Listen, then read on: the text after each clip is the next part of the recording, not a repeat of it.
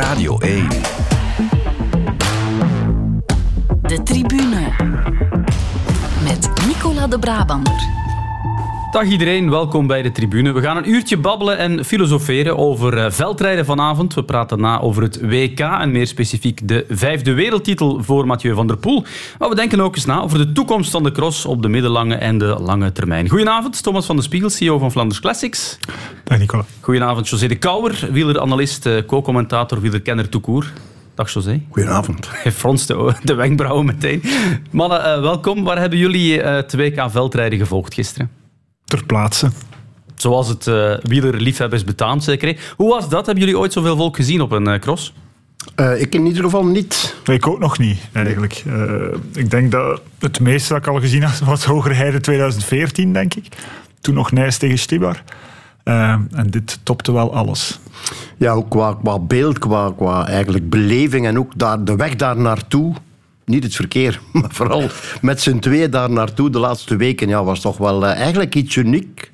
Ik denk dat iedereen die beleving een beetje had. Dat is meteen de verklaring dan voor de hoge opkomst. Eh, er doen verschillende cijfers de ronde. Welk cijfer is nu het correcte, Thomas? Weet jij dat? Ik schat 40.000. Nou, zoiets 38 werd uh, vaak geciteerd. Maar is dat de reden, José? Die, die afgelopen weken, die duels in de kerstperiode? Ja, ik denk toch wel. En vooral de, de, twee, de twee namen. Hè. Dat, zijn, uh, ja, dat zijn geen crossers, dat zijn geen veldrijders. Dat zijn gewoon ja, super, super talenten uh, in het wielrennen te koer. Ja, en die spreken tot de verbeelding. Ja, José, we weten, we kennen jou als uh, wielercommentator, maar ook de cross tijdens de wintermaanden, wanneer je minder te horen bent uh, op televisie. Ja, die volg jij intens, hè? Die passie is er ook. Oh, dat is al uh, lang, hè. Lang. Ik was gisteren te gast bij Daftrucks bij Van Doorn. En uh, ooit in diezelfde trui met, uh, sta met Stamsnijder uh, een wereldkampioen binnengehaald. Toen als ploegleider. Dus dat spreek ik over 1980, van in de ja. jaren 80. Dan zijn we toch 40 jaar terug. Ja, maar mensen weten dat misschien minder. Hè? Dat je er ook elke week heel veel mee bezig bent. Ja, het is wielrennen te koer. En het zijn vooral met die mannen. Hè. Ik moet eerlijk zeggen dat ik met het... ja, hoe zou ik het zeggen? Ik mag dat niet luid op zeggen. Hè. Oei. Uh, ik, ik vind het vooral boeiend naar de, naar de cross kijken nu en dan hopen hoe dat ooit gaat. Want ik ben al een tijdje ja. bezig. Hoe gaat dat ooit, ooit lopen? Well, maar daar komen we straks. Daarom zit je hier inderdaad. Daar gaan we straks verder over praten. Uh, Thomas, er waren ook 1,2 tot 1,5 miljoen uh, tv-kijkers. Maar veel volk ter plaatse dus ook. Ben jij weggeraakt van de parking? Uh, weggeraken was eigenlijk geen probleem. Ja. Het was vooral er geraken bij mij. Uh, maar goed, ja, die, die, die, twee gasten zeggen al heel het jaar, er is maar één dag die telt. Dat is 2K in Hogerheide. Dat zijn twee van de, misschien wel drie of vijf beste renners toekoer van het moment. Uh, over alle disciplines heen.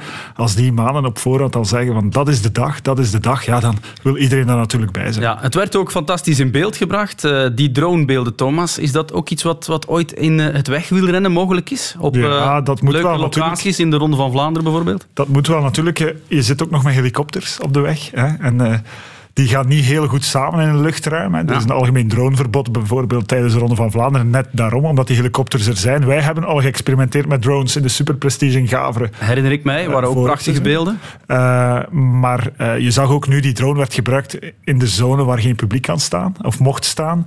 Um, en mocht ook alleen maar gebruikt worden als het gat tussen uh, diegenen die gefilmd werden en diegenen daarachter minstens 15 seconden bedroeg. Dus je kan hem niet altijd... Het kwam nu natuurlijk goed uit uh, dat er altijd wel dat gat was, want de beelden zijn wel heel... Uh, ja. Qua beleving is het wel voor, de voor de kijker thuis een meerwaarde. Jij hebt daar misschien meer info over. Ik hoorde dat dat GPS gestuurd is. Is dat naar veiligheid toe? Bijvoorbeeld als er publiek aanwezig is ook mogelijk dan later? Of spreken we nu ja, te ver vooruit? We, we spreken toch nog altijd in de voorwaardelijke wijs, denk ik. Er is ooit een incident gebeurd tijdens een ski-wedstrijd. en uh, dat een drone neergestort is in het publiek. En daar wordt door uh, heel veel instanties heel vaak naar verwezen als we dat proberen ja. gedaan te krijgen. Maar eigenlijk zou het wel moeten, hè, want uh, wij zijn de flyline gewoon, hè, de, de camera aan de kabel, die ook fantastische beelden oplevert. Maar eigenlijk met een drone kan je oneindig veel flylines. ja, en je zit nog meer in de actie. Hè? Ja, absoluut. We gaan het zien. Het was in, uh, in elk geval een interessant experiment. Zometeen praten, praten we liever uitgebreid verder over dat WK. Maar beginnen doen we met de momenten van de week. En ook daarvoor blijven we eerst in het wielrennen.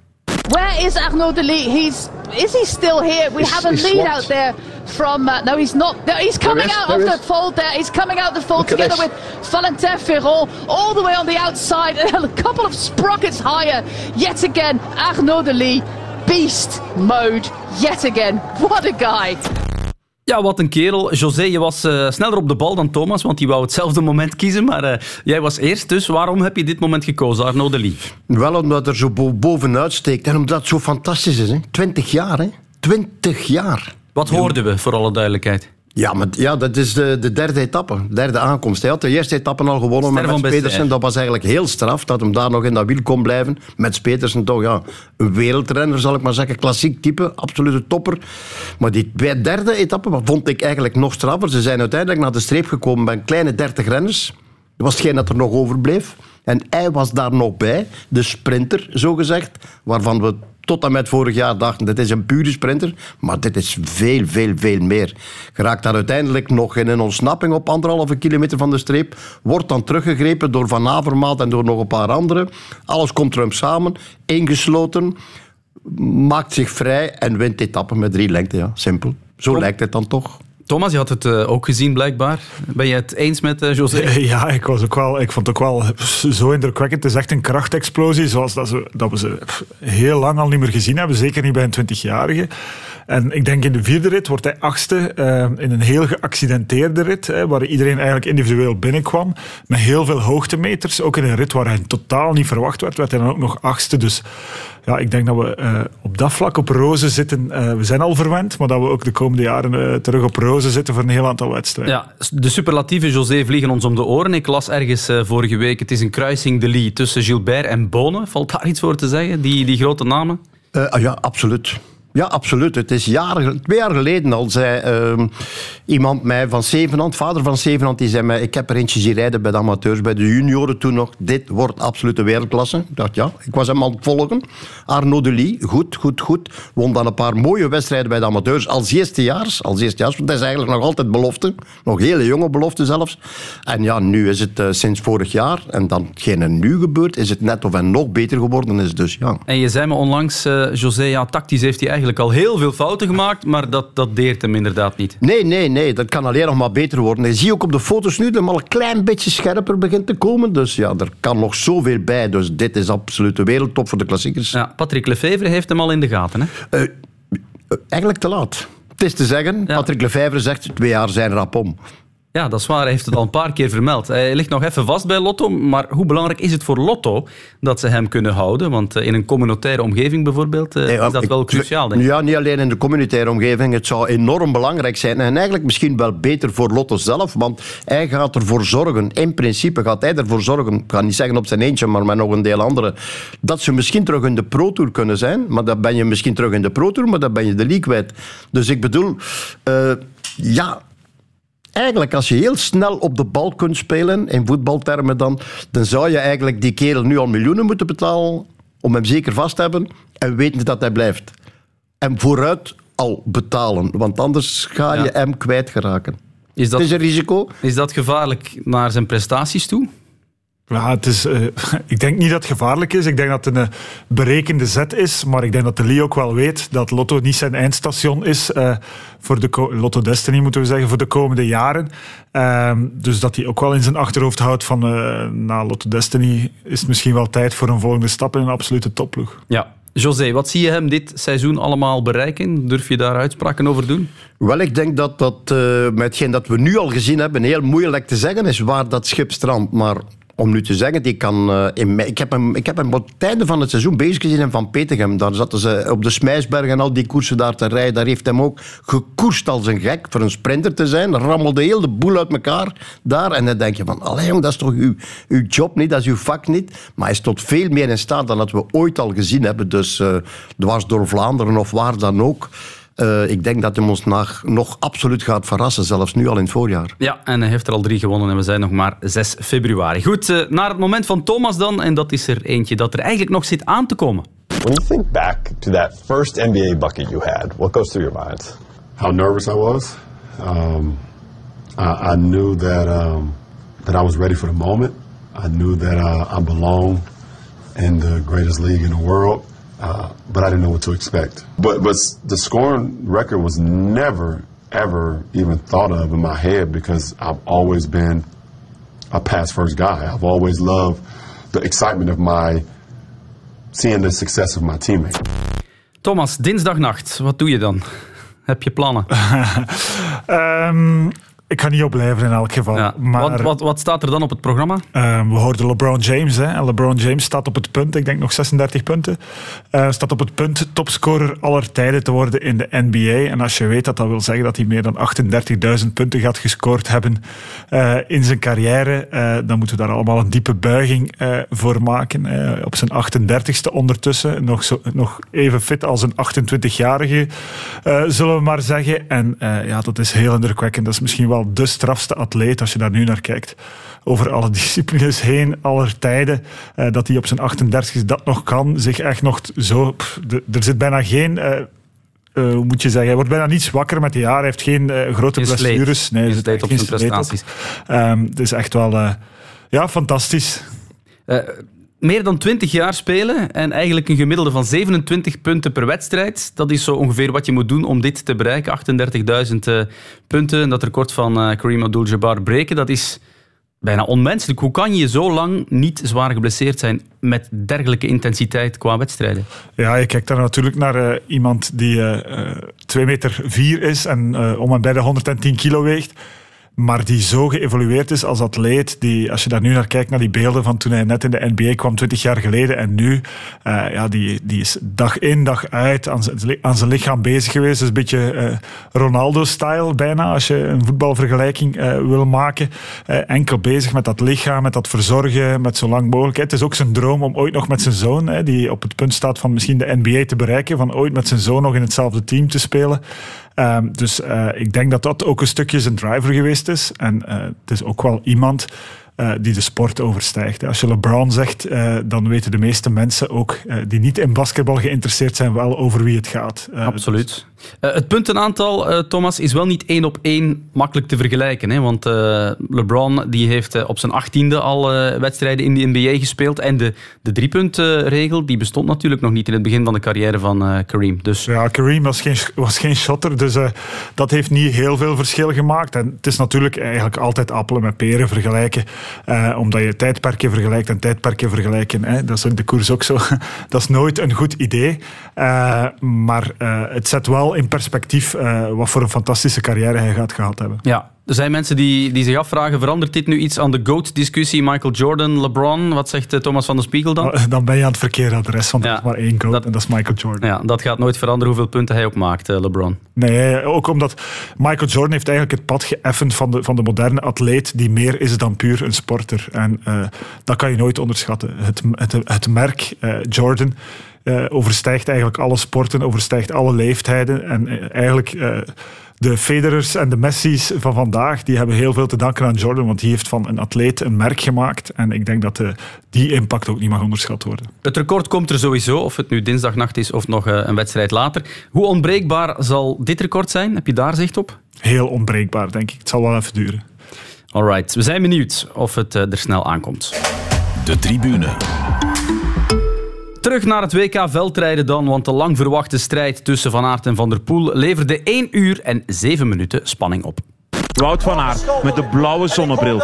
Blauwe zonnebril, donkere glazen. En hij lijkt mij zeer gefocust. Dat moet ook wel, maar ook zenuwachtig. Je kent het verschil in het aangezicht tussen iemand die je heel vaak hebt gezien ontspannen en zenuwachtig. Mathieu van der Poel, die oranje zonnebril. Nog 13, nog 12 seconden en dan gaan we zien of Wout van Aert na die start van op de tweede startrij boven op de brug al meteen plaats heeft kunnen nemen bij de eerste. Nog 4 seconden en ze zijn vertrokken. Ze zijn vertrokken met aan de rechterkant een goede start van eh, Mathieu van der Poel. En Wout van Aert zit in vijfde positie.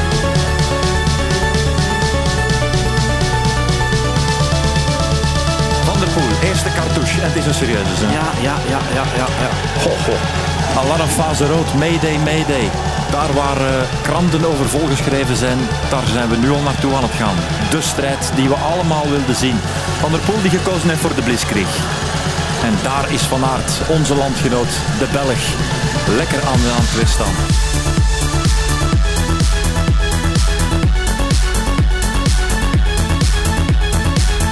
Wil als eerste richting die balken gaan. En Van der Poel, die dringt voorlopig niet aan. Gaan we sprinten zo dadelijk. Hier zijn de balken. Van Aert doet dat goed. Van Aert gaat als eerste over de balken wippen. Van der Poel gebruikt de balken niet om weg te rijden. Van Aert kijkt. Weet niet wat hem overkomt. Krijg ik dit nu op een schoteltje?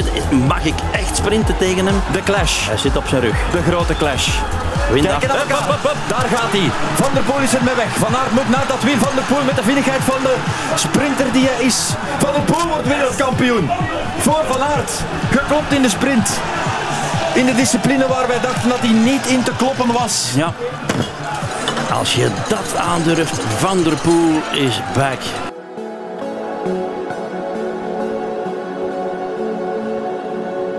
Ja, vijf individuele medailles voor België op eh, de wereldkampioenschappen veldrijden. Maar Mathieu van der Poel won bij de mannen bij de profs. José, als je dat WK in één woord zou moeten omschrijven, welk woord kies je dan? Voor mij toch fantastisch. Je hebt nog eens teruggekeken, hè, Ja, ja, vanmiddag? ik heb nog eens teruggekeken, omdat je daar, je zit daar te kijken, je hebt de commentatoren, je hebt je eigen idee ook, wat toch wel een klein beetje altijd, hè. je gaat niet altijd mee en alles. En dan denk je, probeer je andere dingen te zien, dat wat men je probeert te wijs te maken als commentator, om het zo te drukken. En dat, eh, ik moet zeggen, ik ging toch wel mee in het grote verhaal van, ja, die laatste keer, die balken en, oh, het gaat wel worden, het gaat wel worden, het gaat... En dan gebeurt dat niet. En dan staat iedereen zo'n beetje perplex. En ik denk in de eerste plaats Wout van Aert.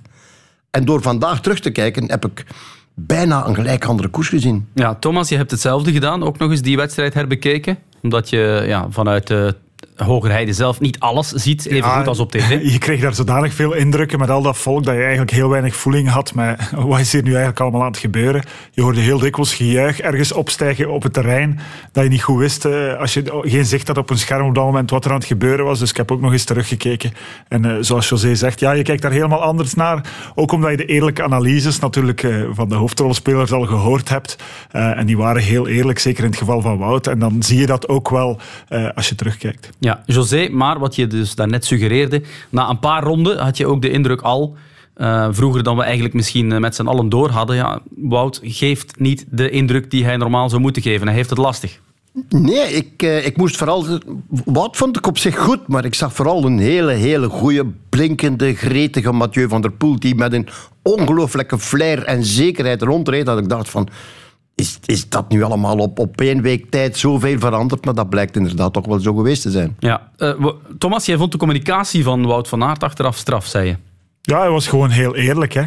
Ehm, je zou verwachten dat je dan de politiek correcte antwoorden krijgt, maar Wout liet gewoon blijken van dit doet echt wel pijn. En ik, ik had echt niet verwacht eh, dat dit ging gebeuren. Ik maakte een fout in de sprint. Dat allemaal toegeven, dat vond ik wel heel straf. Ook omdat het wegseizoen natuurlijk voor de deur staat, dat je bent eigenlijk verplicht van die knop snel om te draaien. Op dat moment toegeven van dit ga ik niet direct te boven komen, dat vond ik echt wel sterk. Ja, José, zie jij dat nazinderen, zoals eh, Wout van Aert zelf een beetje suggereerde, dat hij er tijd voor gaat nodig hebben om het een plaats te geven? Dat gaat nazinderen, maar er is ook nog die groene trui die hij ooit al gewonnen heeft. En er zijn alle andere dingen gebeurd en er staat nog heel veel voor de boeg. Dat gaat, eh, gaat voorbij, maar dat is een tik. Maar ook Mathieu heeft dit jaar al tikken gekregen, dus eh, de ene tik volgt de andere op. Absoluut. Eh, José, ik zag eh, dat jouw ex-collega eh, Michel Wuits in zijn column schreef Wout heeft niks geleerd van de sprint in de Ronde van Vlaanderen van 2020.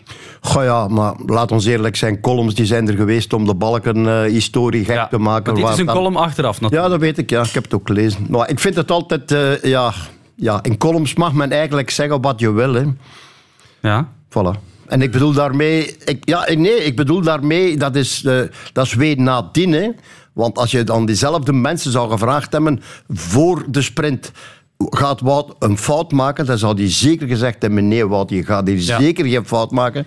En gaat Mathieu over de balken springen? Ja, Mathieu gaat over de balken springen. En wat is er gebeurd? Ja, iets anders. en dat was nu juist zo fenomenaal, vind ik. Ja, was het een tactische masterclass, omdat Van der Poel tijdens de wedstrijd zelf wel een paar keer aan die balken versneld heeft en dus eigenlijk Van Aert ja, onbewust dacht, ja, dit gaat ook in die laatste ronde gebeuren. Daardoor was hij zo in de war, toch? Ik weet nog altijd niet van waar het komt. Ik weet niet of het hij in zijn hoofd had, of het hij gepland heeft. Ook Roodhoofd wist dit niet. Niemand wist het blijkbaar. Eh, op een gegeven moment bepaalt hij voor zichzelf van, ja, ik ga het zo doen. Terwijl als het 50.000 mensen waren, er toch eh, 49.999 eh, het anders zouden gedacht hebben. En hij heeft beslist, en dat heeft vooral daar beneden komen, denk ik, voor Wout zoiets eh, voor verwarring gezorgd. En het was al inderdaad niet te super, super Wout van Aert. Ja. Hetgeen Mathieu gedaan heeft, heb ik in wielrennerij nog zelden gezien. We hebben onszelf ook natuurlijk allemaal wijsgemaakt dat Mathieu geen goed seizoen gehad heeft dit jaar. Hè? En eh, op den duur zijn we dat ook allemaal gaan geloven. En als je dan terugkijkt op welke wedstrijd hij toch gewonnen heeft, dan was dat wel eh, een meer dan oké seizoen. Alleen in een, op een aantal belangrijke afspraken was Wout super sterk en was Mathieu net iets minder. En daardoor, maar als je ziet vorige week in Besançon, zag je al van oké, hij is echt wel goed. En dat was ook een snel parcours. Ik zag Gaveren vooral Gaveren was hem eh, heel goed. Eh, hij heeft, heeft echt wel, eh, als je de lijst van crossen ziet die hem gewonnen heeft, dan moeten we ook gewoon zeggen, want Mathieu was niet zo slecht als dat we onszelf allemaal wijs maakten. Ja, die rug deed pijn. Ja, hij heeft het laten lopen, onder andere in Val di Sole. Eh, maar tegelijkertijd eh, was hem echt wel als vanouds goed gisteren. En straalde hij dat ook, eh, wat jij ook zegt, José, hij straalde echt ook uit. Hè. Hij straalde echt ook uit van, eh, probeer mij hier maar te kloppen. En eigenlijk een uur aan een ja. stuk. Ja, dat was eigenlijk het, het frappante. En zeker als je de tweede keer kijkt, dan ga je, nog, dan ga je meer op details letten. Want anders ga je inderdaad mee in die hele ijs staan van dat publiek en, en mensen rondom je. Maar hetgeen ik vandaag gezien heb, was een andere cross. En was inderdaad die, die, ja, die, die frisheid, die frisheid in de blik tegenover die van Wout was een totaal ander beeld vandaag. Zal gisteren ook wel geweest Ja. hebben, maar ik heb Het niet gezien. Het is zoals een film die je nog een keer bekijkt als je de afloop al, al kent. Hè. Eh, José, vijf jaar zonder Belgische wereldkampioen eh, bij de mannen. Welke conclusies moeten we daaraan verbinden? Moeten we dat doen? Want we zijn het niet meer gewoon. Ja, we zijn het niet meer gewoon, maar als je morgen eh, Pogacar tegenkomt in de grote rondes of je komt in die Merks tegen in je, in je eigen leeftijdscategorie, dan heb je een probleem natuurlijk. Wat komt hier nu Mathieu van der Poel tegen? Dat is niet de eerste keer. Dat is al heel zijn leven. En eh, na Bieles en ander kon het nog meer geweest hebben. Dus ja, ik bedoel... Ja, ja, we gaan nu niet de cross... eh, we kunnen alleen zeggen, bij de vrouwen doen we niet mee. Ja, bij Wat de vrouwen... betreft. Maar bij de mannen doen we toch nog altijd mee. Ja, bij de vrouwen daar kregen we uiteraard een Nederlandse wereldkampioen. En daar was de strijd eigenlijk minder spannend dan verwacht. De vrouwen rijden vanmiddag door de Brabantse klei en modder. In het deelnemersveld heel veel Nederlandse favorieten. Ja, het zou wel heel bijzonder zijn als een Nederlandse hier niet de wereldtitel gaat pakken. Vorig jaar was het Marianne Vos. De Nederlandse vrouwen heersen al jaren in het veld. En nu hebben we ook nog eens een keer de nieuwe lichting. Fem van Empel en Puk Pietersen. Sharon van Anrooy zou daar ook weer met één adem mee genoemd kunnen worden. Maar zij is er niet bij omdat zij ervoor gekozen heeft om morgen mee te rijden. Met de beloften, de jonkies dus. Maar bij de Oeh, valpartij Pietersen, schuiver. Dit kan de wedstrijd natuurlijk in een beslissende plooi leggen. Ja, wees daar maar zeker van. Hè. Dat was eh, niet zonder geluid. Eh, vermoedelijk heeft eh, Fem van Empel dat wel gehoord.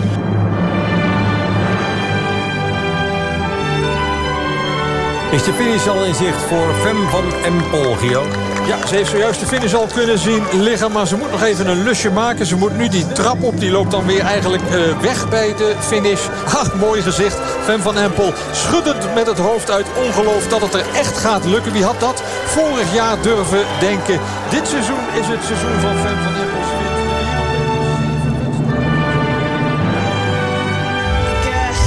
Ik kan het op het moment nog eh, ja, niet echt geloven dat ik wereldkampioen ben. Maar eh, het is een beetje emotioneel, want eh, van de buitenkant zie je niet hoeveel, je, ja, hoeveel werk je erin stopt.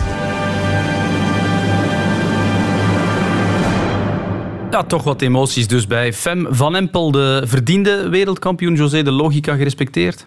Ja, slippertje van haar concurrenten. Maar zelfs dat, als je zag op die, die klimmende strook, wat ze zoveel eh, power eh, te bieden. Dus ja, absoluut. Ze heeft ook de wereldbeker gewonnen, hè, Thomas. Eh, ze was het hele seizoen, behalve na die val in Val di Sole, eh, was ze eigenlijk eh, top. Ja, ze heeft zeven van de veertien manches gewonnen, denk ik, in de wereldbeker.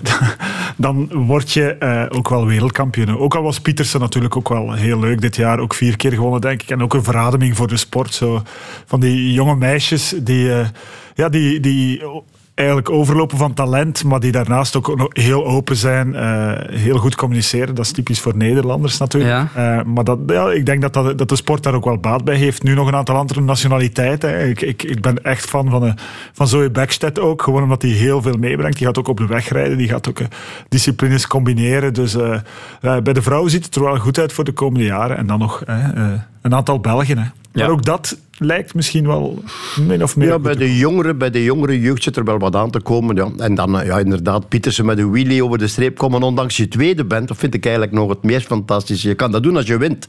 Maar zelfs als je tweede bent, dat het was, het was niet zomaar een wheelie, het was er een van hoeveel? 40 meter of zo? Een hele, hele lange. Er zat er een beetje werk mee. En wat, wat jou is opgevallen ook al, José, in het verleden, is de band die die meisjes hebben. Hè? Dan heb ik het over Van Empel, Pietersen, zelfs Van Anrooy. Ik heb altijd horen zeggen dat vrouwen altijd maar ruzie maken, maar in het veldrijden is dat dus helemaal niet waar, blijkbaar.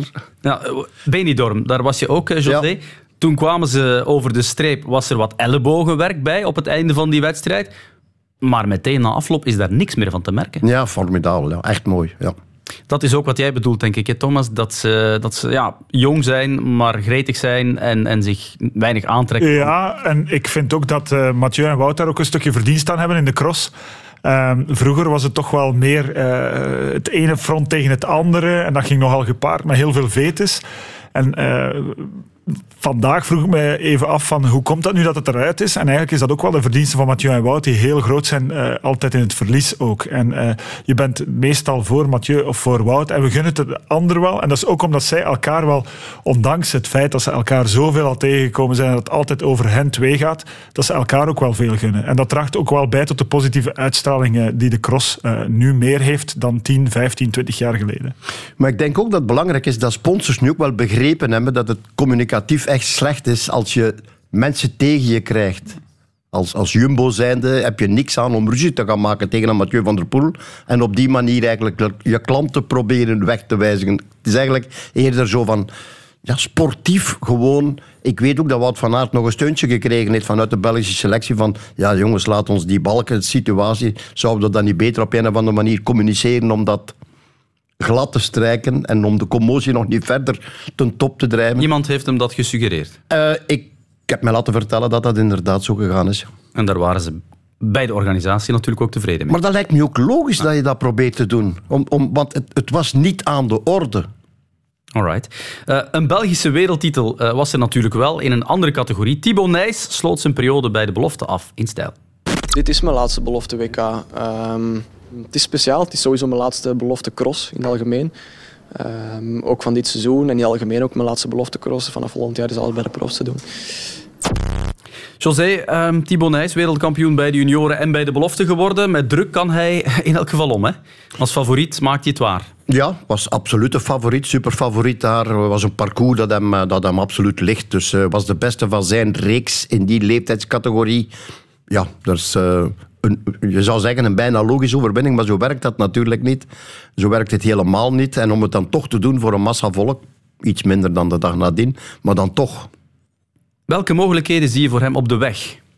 En kan hij de kloof in de cross, dat is meteen een, een tweevoudige vraag dan, met Van Aert en Van der Poel ooit dichten? Hij heeft het geluk dat hij pak jonger is, dat misschien die mannen gaan verdwijnen op termijn. Hè. Sowieso gaan die mannen verdwijnen. Het zijn allemaal geen LeBrons, die blijven tot ze 38 zijn. Maar ja, het is, uh, het is talent, maar je kan daar voorlopig geen Mathieu van der Poel of wat van Aert van maken. Mathieu van der Poel was op die leeftijd al wereldkampioen bij de profs bijna. Dus ik bedoel, dat mag je niet vergelijken. We moeten hem tijd geven. Ik heb hem Europees kampioen zien worden op de weg. Ook daar verraste hij mij, al moet ik eerlijk zeggen. Uh, om daar te blijven aanhangen op een lastig parcours en dan de sprint eigenlijk subliem te winnen. Dus er zit zeker een, uh, een meer dan een degelijke wegrenner in. Uh, wat dat allemaal wordt, dat weten we niet. Als we spreken er net over een 20-jarige De is uh, deze Thibaut Nijs ook 20 jaar.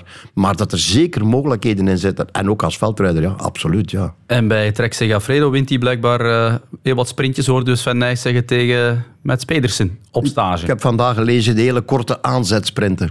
Oké, okay, dat is een de, verschil. De beginsprint. De ja. Mathieu van der Poel sprinten. Uh, ja. Thomas, um, Thibaut Nijs die zegt ja, ik wil de komende jaren fulltime crosser blijven. Hij heeft wel de star quality die de cross kan gebruiken, denk ik, de volgende tien jaar. Ja, ik denk dat hij, hij heeft natuurlijk van thuis uit veel meegekregen.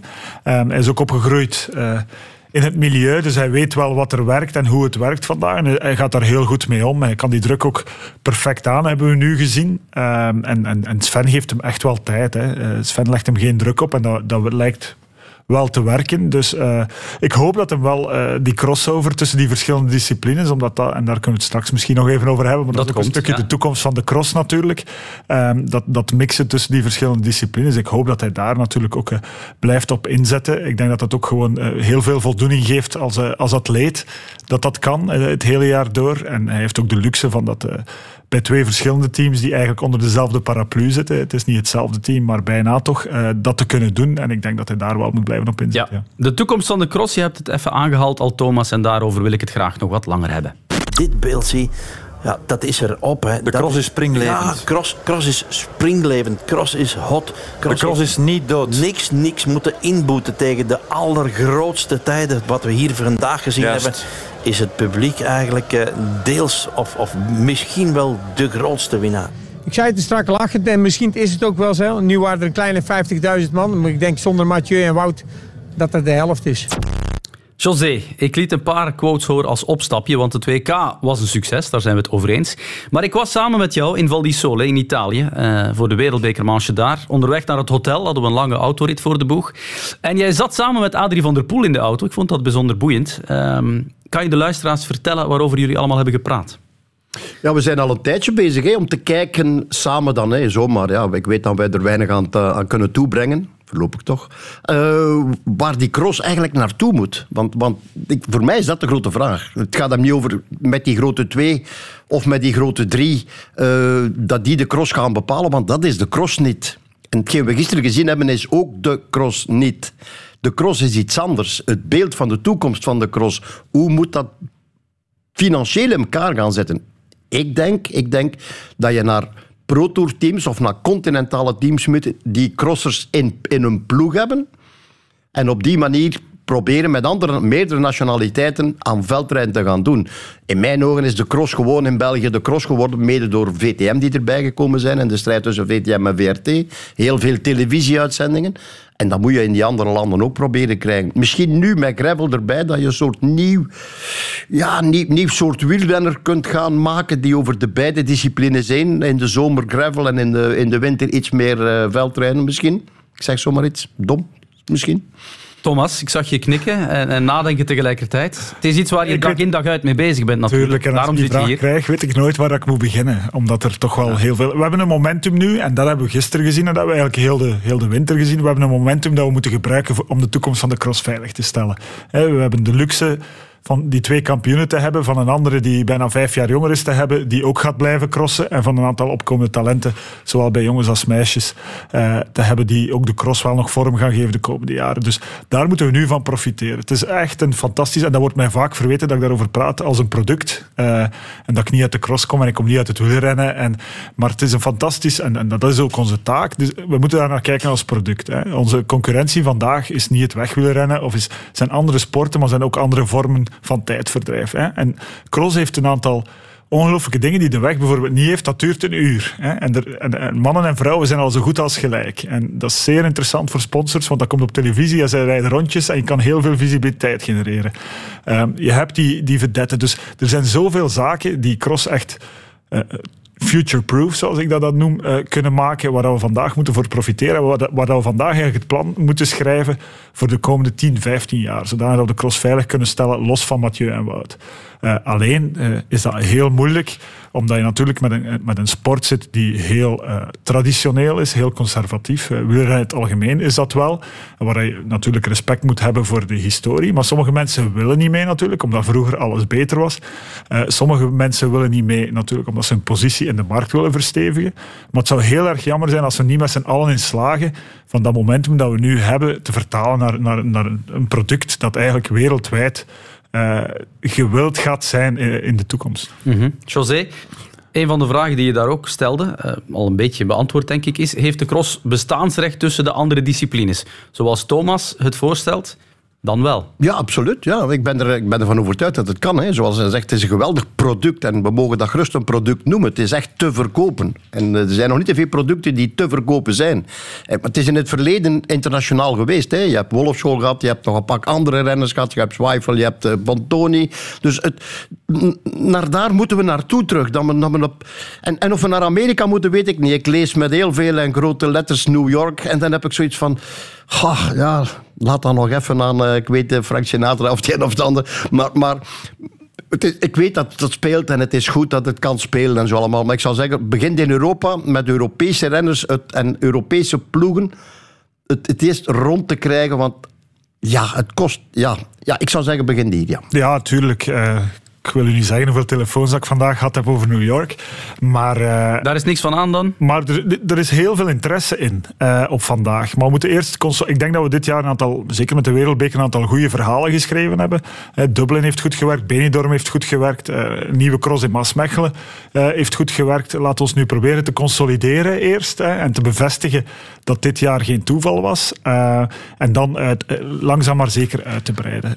we moeten niet beginnen lopen voordat we kunnen wandelen. Uh, maar tegelijkertijd moeten we wel met een heel aantal partijen proberen aan hetzelfde zeel te trekken. En dat is soms heel moeilijk natuurlijk. Hè. Ik, ik, heb al vaker gezegd van uh, het economisch zwaartepunt ligt nog altijd in België op vandaag. En dat is een zegen lokaal, maar dat is echt een vloek internationaal. Hè. Dat we er niet in slagen van dat een stukje uit de Vlaamse klein, uit de Vlaamse modder te halen, omdat die kalender zo vol zit, omdat het gewoon werkt, omdat iedere zichzelf respecterende gemeente of stad hier bijna zijn eigen cross heeft van bijna hetzelfde niveau als een wereldbeker. Maar het is zeer moeilijk om je met een wereldbeker te gaan onderscheiden van die lokale crossen hier. Het seizoen dat uh, nu net afgelopen is, dat heeft wel al wat duidelijkheid gebracht, denk ik, op dat vlak. De Wereldbeker had het betere deelnemersveld. Bij de vrouwen bijvoorbeeld, Van Empel uh, en Pietersen, die hebben in de Superprestige nauwelijks gereden. Dus daar merk je wel al een evolutie. Maar ik denk dat de evolutie heel duidelijk was tot de kerstperiode. En dan heb je, naar mijn aanvoelen, uh, te veel cross. Hè. Een product wordt succesvoller naarmate het schaarser wordt en er meer vraag is. Uh, hier hebben we eigenlijk een overaanbod aan cross en het heeft wel goed gewerkt. Maar dat werd ook een beetje, uh, voor de toekomst van de sport is dat niet productief natuurlijk. Hè. Als we dat gaan blijven doen en daar 10, 12 crossen in twee weken tijd blijven duwen, dat gaat niet werken eigenlijk in de toekomst. En dan moet je eigenlijk een stukje ook kijken naar uh, lokale partijen. Moeten we met de federatie aan tafel gaan om toch wel de, de, cross in België uh, als zwaartepunt te houden, maar ook wel ruimte te bieden om te gaan internationaliseren en om iedereen er beter van te maken. Want iedereen kijkt altijd naar ons als Flanders Classics en die komen nadat ze de weg gedaan hebben, komen die nu in het veld en die zitten daar alleen maar in om geld te verdienen. En natuurlijk zijn wij een commercieel bedrijf, maar tegelijkertijd willen we ook het beste met de cross. Uh, en willen wij de cross ook wel uh, naar de toekomst brengen op een hele goede manier. Met respect voor België, met respect voor wat er hier is, met respect voor de klassiekers. Ik denk dat we ook een aantal klassiekers hersteld hebben in ere, zoals in Gaveren. En dat we dat willen blijven doen. Hè, maar we moeten ook wel ruimte krijgen om te gaan kijken van wat kunnen we beter doen. Ja, ik, vraag me af, ik vraag me af hoe ze ooit de verloning van de hele cross eigenlijk want dat is nu met contracten en renners krijgen, individuele contracten en zo. Dat kan, ik weet niet in hoeverre dat kan blijven bestaan. Ja. Dat maakt het heel moeilijk volgens mij. En ik weet dat jongens die er nu zijn, en die verdienen daar geld mee. En de, vooral die, die vijf, die vijf die spreken, zijn toevallig de vijf die het meeste verdienen. En de rest zwijgen, omdat ze toch niks te vertellen hebben, om het zo te drukken. Maar, maar is dat financieel is dat haalbaar? Blijft, kan dat blijven bestaan op die manier, vraag ik me af. Maar, ik ging niks zeggen over startgeld, maar um, we hebben dat een beetje in de koelkast gestoken, omdat we hebben dat al eens geprobeerd. Omdat er gaat wel heel wat geld in de cross om vandaag. Um, en ik heb daarop altijd gezegd van ik zou eigenlijk dat geld op een structurele manier in de cross willen krijgen, zodat de cross er beter van wordt en niet alleen die eerste vijf renners, want dat is op vandaag het geval. En dat is oké en ik snap hen ook, maar de cross zou er baat bij hebben dat er iets structureler eh, georganiseerd wordt op het vlak van de, van de financiën. Dus ik, ik volg volledig. Ik denk nog altijd, als we erin slagen, hè, van die cross toch wel naar een volgende fase te brengen en iets internationaler te maken en dat iedereen daar beter gaat van worden. Hè. Als je ziet wat er in het voetbal gebeurd is sinds de jaren 90, dingen die er eigenlijk het, het meest van geprofiteerd hebben, zijn altijd de spelers geweest. Hè. Als, je, als je een sport echt kan groot maken en internationaliseren, dan gaat er sowieso meer geld in de sport om. En dan komen er meer mediarechten, komt er meer sponsoring. En diegenen die op het einde van de dag er beter gaan van worden, zijn altijd de renners en de teams. Uh, en dat moeten we proberen. En natuurlijk, op vandaag zit dat wat vast. Ook omdat er die toplaag, hè, die, die, en je kan het dan niet verwijten, die worden er echt wel beter van. Die worden goed betaald.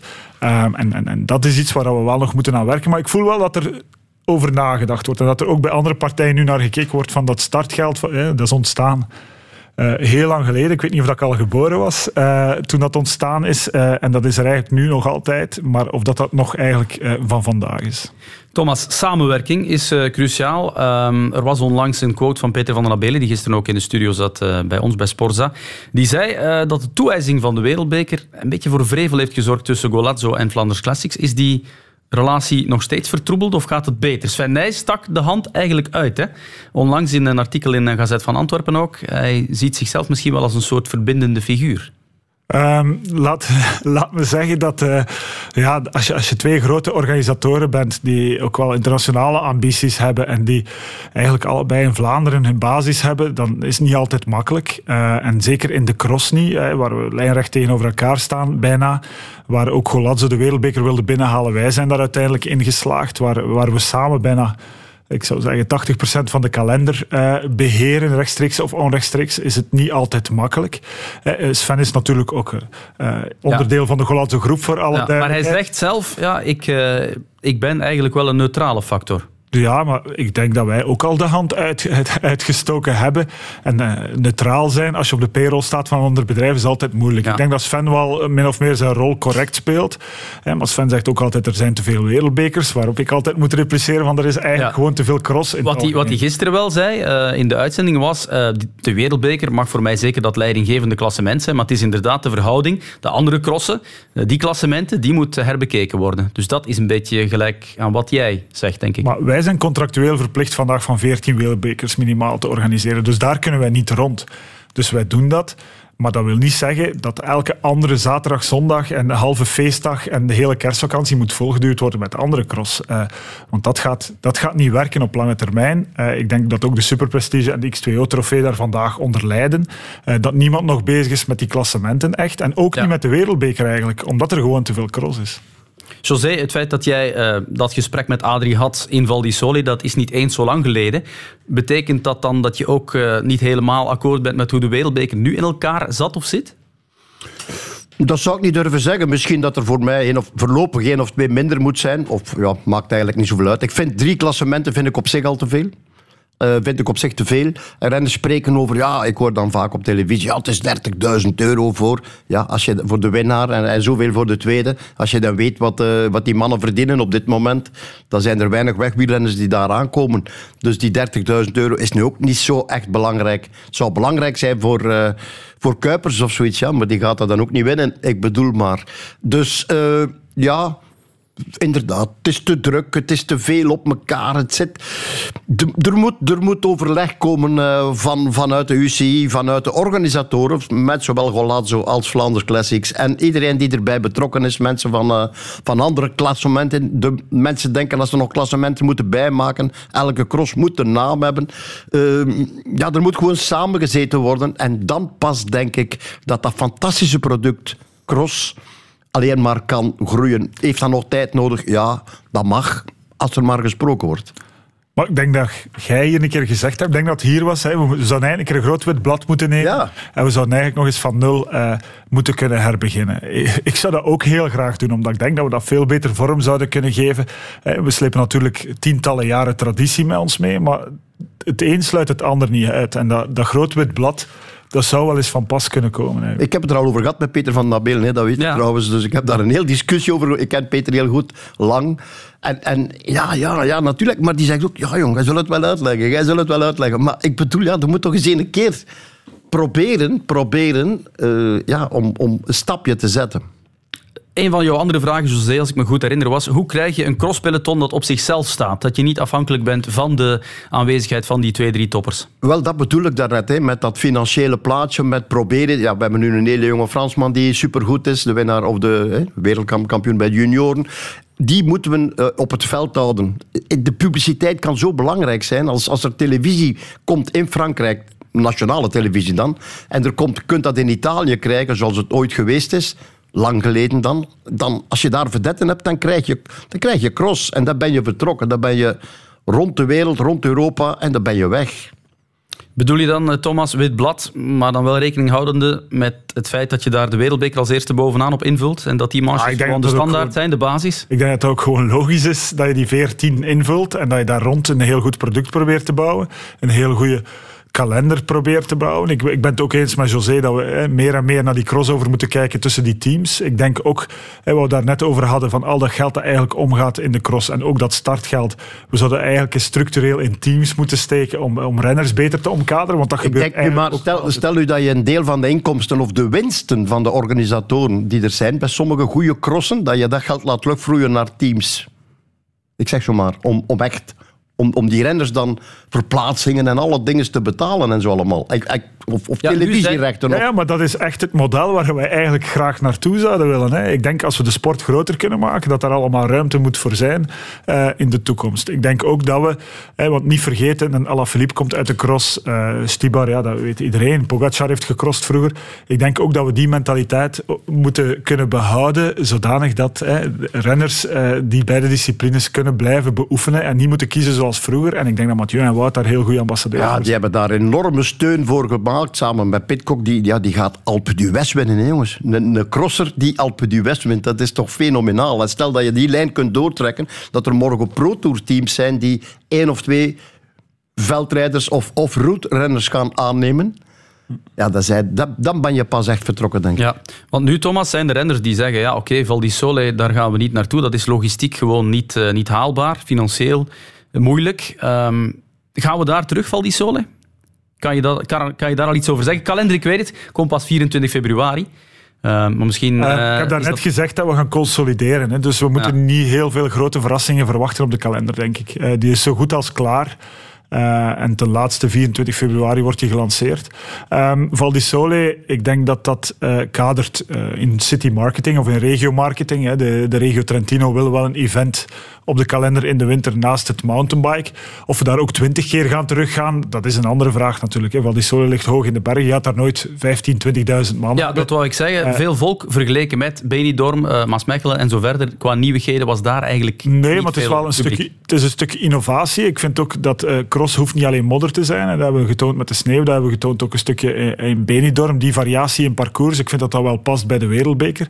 Je ziet toch altijd dat dezelfde namen eigenlijk zich onderscheiden, zowel bij mannen als vrouwen, ongeacht eh, het parcours. Dus dat wil ze wel, wel- zeggen dat dat, dat dat kan en dat dat moet kunnen, eh, zonder dat je natuurlijk moet overdrijven. En had die sneeuw, had Val di Sole ook te maken met nog ergens een Olympische gedachte? Want dat wordt dan eh, soms wel eens geopperd. Ja, dat is natuurlijk een idee dat ooit ontstaan is. En ik vind het, als je gisteren ziet, en er is daar volgens Adrie 50.000 mensen, dan is het wel jammer dat die discussie niet meer leeft. En dat men echt aan het kijken is naar disciplines die misschien iets meer aansluiten bij de absolute jeugd of bij, bij, bij wat er vandaag leeft eh, als het over wielrennen gaat. En niet over een discipline die zoveel volken op de been brengt en die zo populair is. Eh, in België, in Nederland. Maar in Benidorm waren ook 17.000 mensen, waarvan bijna 80% Spanjaarden. Dus je kan daar wel mee naar eh, andere bestemmingen. Je kan dat internationaler maken. En dan zou het heel jammer zijn dat we die discussie niet kunnen voeren, omdat het niet altijd op ijs of sneeuw is. Dus eh, daar willen we wel aan vasthouden, ja. Ja, en er was trouwens nog een reden hè, waarom José in december eh, nadacht over de toekomst van de cross.